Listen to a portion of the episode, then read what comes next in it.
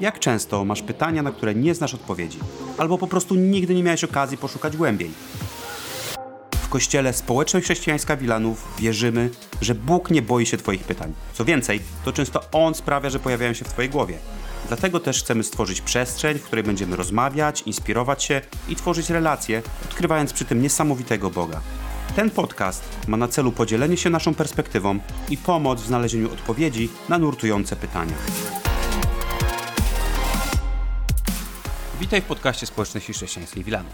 To jest podcast numer 4 z serii Live, Move, Be. Jesteśmy kościołem, który inspiruje do rozmów z Bogiem i ludźmi. Jednym ze sposobów, w jaki to robimy, to to, jak wyglądają nasze spotkania niedzielne, kiedy to dużą część naszego czasu poświęcamy rozmowom przy stołach, dyskusjom i zadawaniu pytań. I to nie tylko w czasie wspólnych śniadań, ale także dyskutując o rzeczach, które w życiu są naprawdę ważne.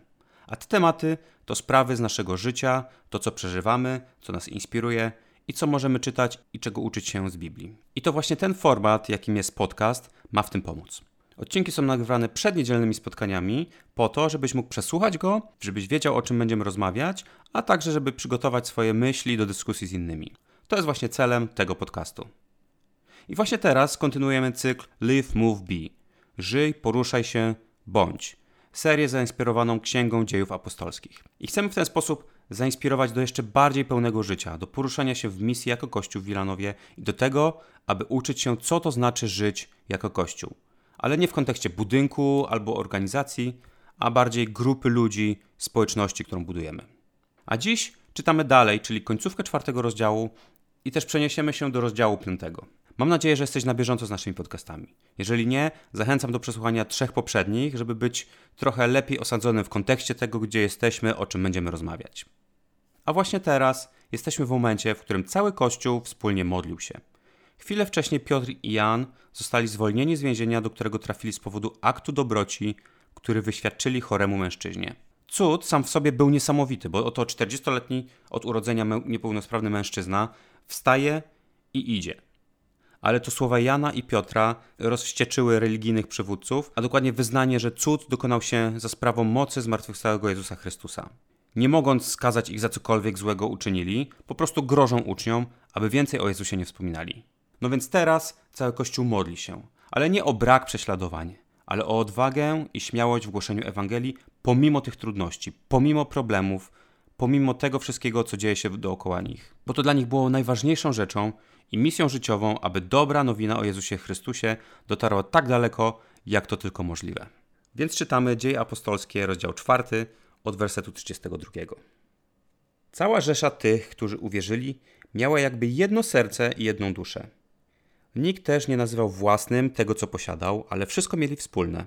Apostołowie z ogromną mocą składali świadectwo o zmartwychwstaniu Pana Jezusa, a wszystkim towarzyszyła wielka łaska. Nikt między innymi nie cierpiał niedostatku, ci bowiem, którzy byli właścicielami gruntów lub domów, sprzedawali je, przynosili pieniądze uzyskane ze sprzedaży i kładli je u stóp apostołów. Tak zgromadzone środki rozdzielano każdemu zgodnie z tym, jaką miał potrzebę. Tak uczynił Józef, nazwany przez apostołów Barnabą, co możemy przetłumaczyć jako syn zachęty. Był on lewitą, rodem z Cypru. Po sprzedaniu swojej roli przyniósł pieniądze i położył u stóp apostołów. I te słowa właśnie kończą rozdział czwarty Księgi Dziejów Apostolskich. Ale pewnie słyszałeś już o tym, że kiedy Biblia była pisana, to była pisana nie uwzględniając tych wszystkich rozdziałów, podrozdziałów, tych wszystkich nagłówków i tak dalej. Była pisana w pewnym sensie jako list, tekst ciągły, a dopiero lata, lata później ktoś podzielił to na rozdziały, rozdziały na wersety, po to, żeby lepiej można było poruszać się po całej Biblii, żeby lepiej można było szukać odpowiednich wersetów. I czytając te końcowe zdania czwartego rozdziału, tak naprawdę powinien on się ciągnąć dalej, bo to, co następuje w pierwszych zdaniach rozdziału piątego, to tak naprawdę kontynuacja myśli z rozdziału czwartego. Ale do tego dojdziemy później. W tym miejscu wypada wspomnieć to, o czym rozmawialiśmy już kilka tygodni temu, a mianowicie kontekst kulturowy i społeczny tamtego pierwszego kościoła. W tamtych czasach to społeczeństwo było największą wartością. Przynależność do grupy była tą wartością, która liczyła się najbardziej i definiowała człowieka. Nie indywidualizm, tak jak to jest w dzisiejszych czasach. Wtedy nikt nie mówił: musisz być sobą, musisz odnaleźć siebie, musisz żyć zgodnie sam ze sobą. Gdyby wtedy można było włączyć telewizję i obejrzeć reklamy pomiędzy jakimiś filmami, to pewnie większość mówiłaby o grupie. Nie o tym, że możesz być najlepszą wersją siebie, ale że to w grupie, to w przynależności do pewnej grupy społecznej odnajdziesz wartość i będziesz mógł żyć prawdziwie. Wartość była w grupie. I człowiek był definiowany poprzez to, do jakiej grupy należał. A najważniejszą grupą w tej kulturze była rodzina. Najmocniejsza relacja to relacja między braćmi i siostrami, a nie tak jak to jest w naszej kulturze relacja ze współmałżonkiem. Dla nich to była relacja rodzeństwa. To najsilniejsza, najmocniejsza więź. I tak właśnie jako osoba skupiona na grupie mógłbyś zadać sobie pytanie nie co jest najlepsze dla mnie, a co jest najlepsze dla grupy, w której żyję. I tak samo wszystkie decyzje, które wtedy podejmowali, nie były podejmowane indywidualnie, a przez pryzmat i w kontekście dobra całej grupy. I dla nas, żyjących w cywilizacji zachodniej, jest trudno czytać ten fragment. Nie wiem jak ty, ale ja czuję się trochę niewygodnie czytając, że oni wszystko mieli wspólne. Że to nie ja decydowałem o tym, co moje, a raczej grupa decydowała o tym, co nasze. Decyzje musiały być podjęte dla dobra grupowego. I to bardzo szlachetne, ale jednak dość niewygodne. Co więcej, w naszej kulturze jest to normalne, że rodzic chce nauczyć dzieci niezależności, przygotować je do samodzielnego życia, wyposażyć i wypuścić w świat. Ale nie w taki sposób żyli i nie taki mindset mieli tamci pierwsi chrześcijanie żyjący 2000 lat temu. Ich mindset to raczej będziemy żyć we wspólnocie, będziemy połączeni relacjami, będziemy mieli wszystko wspólne, będziemy razem podejmować decyzje. Do tego stopnia, że o osobie, z którą weźmiesz ślub, decydowali rodzice. O tym, kim będziesz w przyszłości, decydował najczęściej ojciec. Mieszkać będziesz gdzieś blisko albo w domu rodzinnym razem z rodzicami. Więc gdy czytamy ten fragment z Biblii, dla nich to jest dość naturalne. To jest w ich mentalności od urodzenia. W taki sposób się wychowywali i w taki sposób żyli. Wszystko było brane przez pryzmat życia w grupie. I fakt, grupa się zmieniła, bo nauczanie Jezusa wywróciło tradycyjne podejście do życia w grupie. Ale nie w kontekście przeciwności czy znanego nam indywidualizmu, a raczej definicji tego, czym Twoja najbliższa grupa jest. Czym jest ta rodzina. To już nie tylko najbliżsi, Twój brat czy siostra, ale to rodzina w rozumieniu Kościoła. To duchowa rodzina. Teraz każdy wierzący jest Twoim bratem i siostrą, czyli tą najważniejszą relacją w życiu. Nie tylko ludzie, z którymi masz wspólną mamę i ojca, ale każdy, kto może swoim ojcem nazwać najwyższego Boga. Czyli każdy, kto uwierzył w nauczanie Jezusa i był tak zwanym Chrystusowcem, bo tak byli nazywani ci pierwsi wierzący, którzy poszli za nauką Jezusa Chrystusa. I właśnie o tym tutaj czytamy. O duchowej rodzinie, którą tworzył ten pierwszy kościół. Dzielili się ze sobą tym, co mieli, a jeśli ktoś czegoś potrzebował, to inni zaopatrywali. I nie było to nic dziwnego, bo taka właśnie była kultura, w której żyli. Dla nas to dziwne, ale dlatego, że my żyjemy w zupełnie innej kulturze. W kulturze nastawionej na indywidualności, a nie na kolektywizm.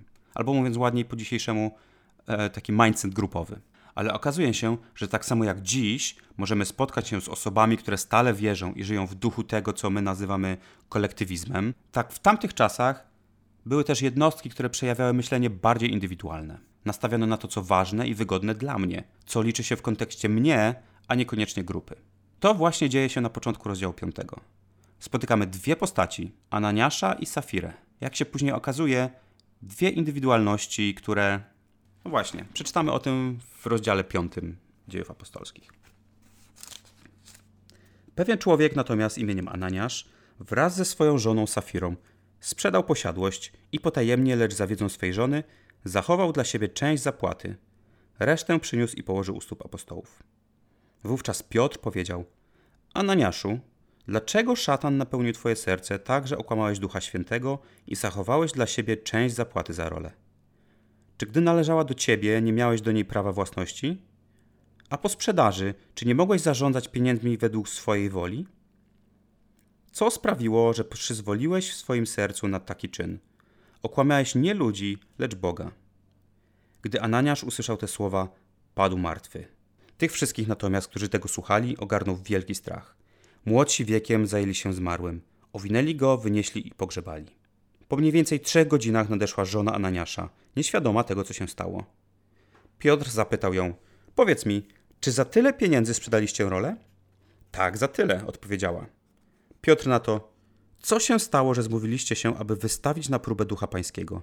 Ci, którzy pogrzebali twojego męża, zbliżają się do drzwi. Ciebie też wyniosą. Na te słowa Safira natychmiast padła martwa u nóg Piotra. Gdy weszli młodzi i stwierdzili, że już nie żyje, wynieśli ją i pochowali obok męża. Wydarzenie to sprawiło, że wielki strach ogarnął cały kościół. oraz wszystkich, którzy o tym usłyszeli. Ciekawa historia, nie? Reakcja Piotra wydaje się być trochę zbyt ostra, bo oto małżeństwo sprzedaje swoją ziemię, do której mieli wszelkie prawa. Mogli sprzedać, nie musieli. No ale sprzedają. Liczą pieniądze i mówią: OK, część zostawimy dla siebie, a drugą część przekażemy kościołowi. Bardzo szlachetne myślenie. Więc co poszło nie tak, że finał całej historii okazał się tak tragiczny dla obojga? To, co zrobili nie tak, to nie fakt, że zatrzymali część pieniędzy dla siebie, ale fakt, że skłamali, za jaką sumę sprzedali tę ziemię. Przynieśli pieniądze apostołom, tak to było w zwyczaju, tak samo uczynił Barnaba. I oni przynoszą to i twierdzą, że tyle dostali i oddają wszystko, co mają. Ale jak wiemy, prawda jest taka, że część ukryli. Bóg to oczywiście widział i teraz Piotr pyta, czemu kłamiecie? Wiem, że sprzedaliście za więcej i staje się rzecz niespodziewana. Bóg osądza ich, a Daniasz pada trupem. Ale zanim to się stało, Piotr mówi, to była twoja ziemia, to były twoje pieniądze. Mogłeś zarządzać nimi w taki sposób, w jaki chciałeś. Mogłeś sprzedać i zostawić sobie wszystko, nie musiałeś przynosić nic do kościoła. Więc jaki był tu problem tak naprawdę? Józef, zwany Barnabą, zrobił dokładnie to samo.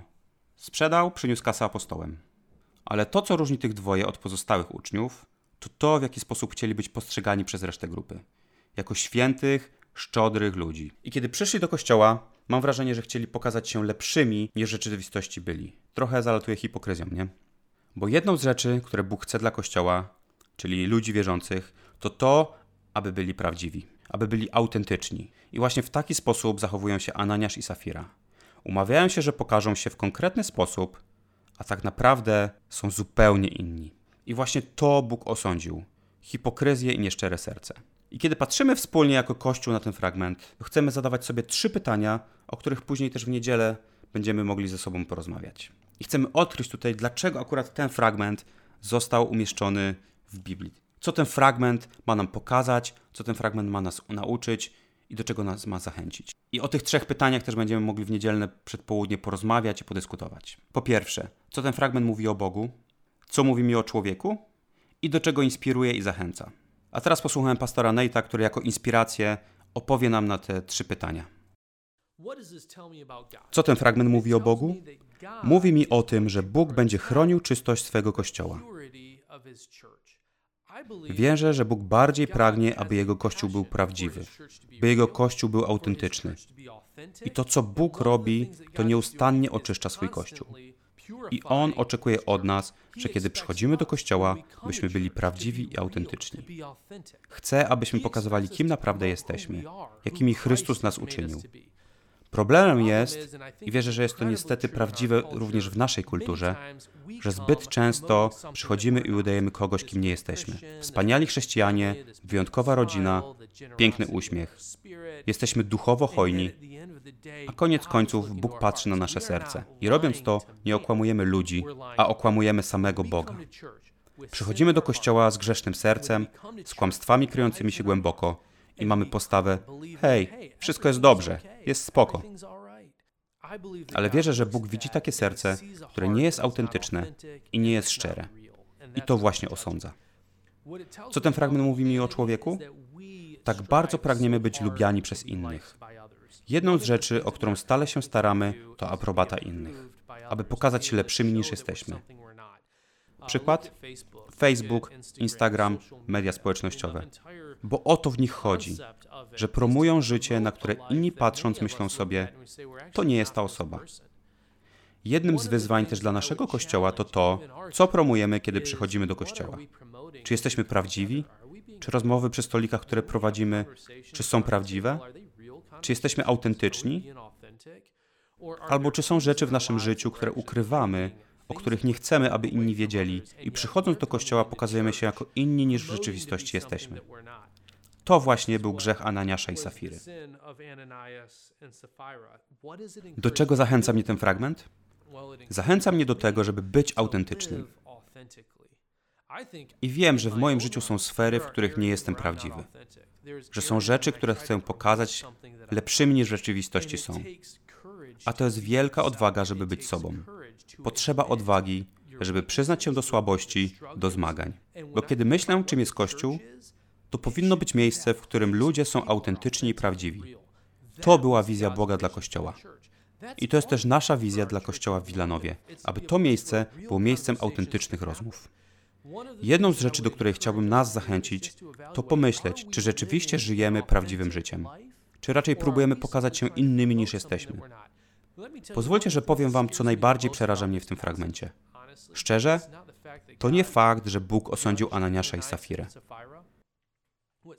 Czego najbardziej się boję, to myśl, czy On w ogóle nas jeszcze osądza. To jest chyba najbardziej przerażająca myśl. Czy Bogu nadal zależy na czystości swojego kościoła? Czy Bogu nadal zależy na autentycznych społecznościach? Bo to, co tutaj czytam w Księdze Dziejów, to to, że Bóg tak bardzo dbał o autentyczność wśród ludzi w Kościele. Tak bardzo, że był gotów zabić dwie osoby, które nie były autentyczne. Dlaczego On tego już nie robi? Wyobraź sobie, gdyby nadal to robił. Wyobraź sobie, że gdybyśmy przychodzili do Kościoła i Bóg osądzałby nasze serca i bum, padamy martwi, jeśli nie jesteśmy prawdziwi. Stworzyłoby to, wierzę, mniejsze wspólnoty, ale też bardziej autentyczne wspólnoty. Prawdziwe. I wierząc, że Bóg nie boi się moich pytań, jedno z nich to, czy Boga nadal interesuje czystość Jego Kościoła? Bo byłem w kościołach na całym świecie i widziałem i spotykałem ludzi, którzy przychodzili do kościoła, żyjąc w grzechu, żyjąc w kłamstwie, promując siebie jako innych niż są. I wydawać by się mogło, jakby Boga to wcale nie obchodziło. Tak jakby pozwalał im przychodzić do kościoła przez lata i Bóg nic z tym nie robił. No no, niełatwe pytanie, ale tak jak Nate powiedział, nie chcemy się bać zadawać trudnych pytań, bo wierzymy, że Bóg też nie boi się trudnych pytań. Możecie porozmawiać o tym w swojej grupie, możecie wykorzystać to jako inspirację do dyskusji w niedzielę. Przeczytaj fragment dziejów apostolskich, końcówkę czwartego rozdziału, wiersze 32 do 37 i początek piątego rozdziału do wiersza 11.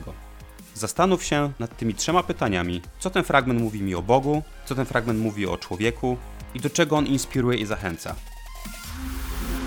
Dzięki za wysłuchanie i wspólne zmierzenie się z tym tematem. Jeśli masz teraz jeszcze więcej pytań niż wcześniej, sprawdź inne odcinki tego podcastu. Zajrzyj na nasze social media i stronę schwilanów.pl, by dowiedzieć się więcej o naszym kościele. Zapraszamy Cię również na niedzielne spotkanie, gdzie rozmawiamy, inspirujemy się i każdy ma okazję podzielić się swoją perspektywą na dany temat. Do usłyszenia w kolejnym odcinku podcastu Nurtujące Pytania.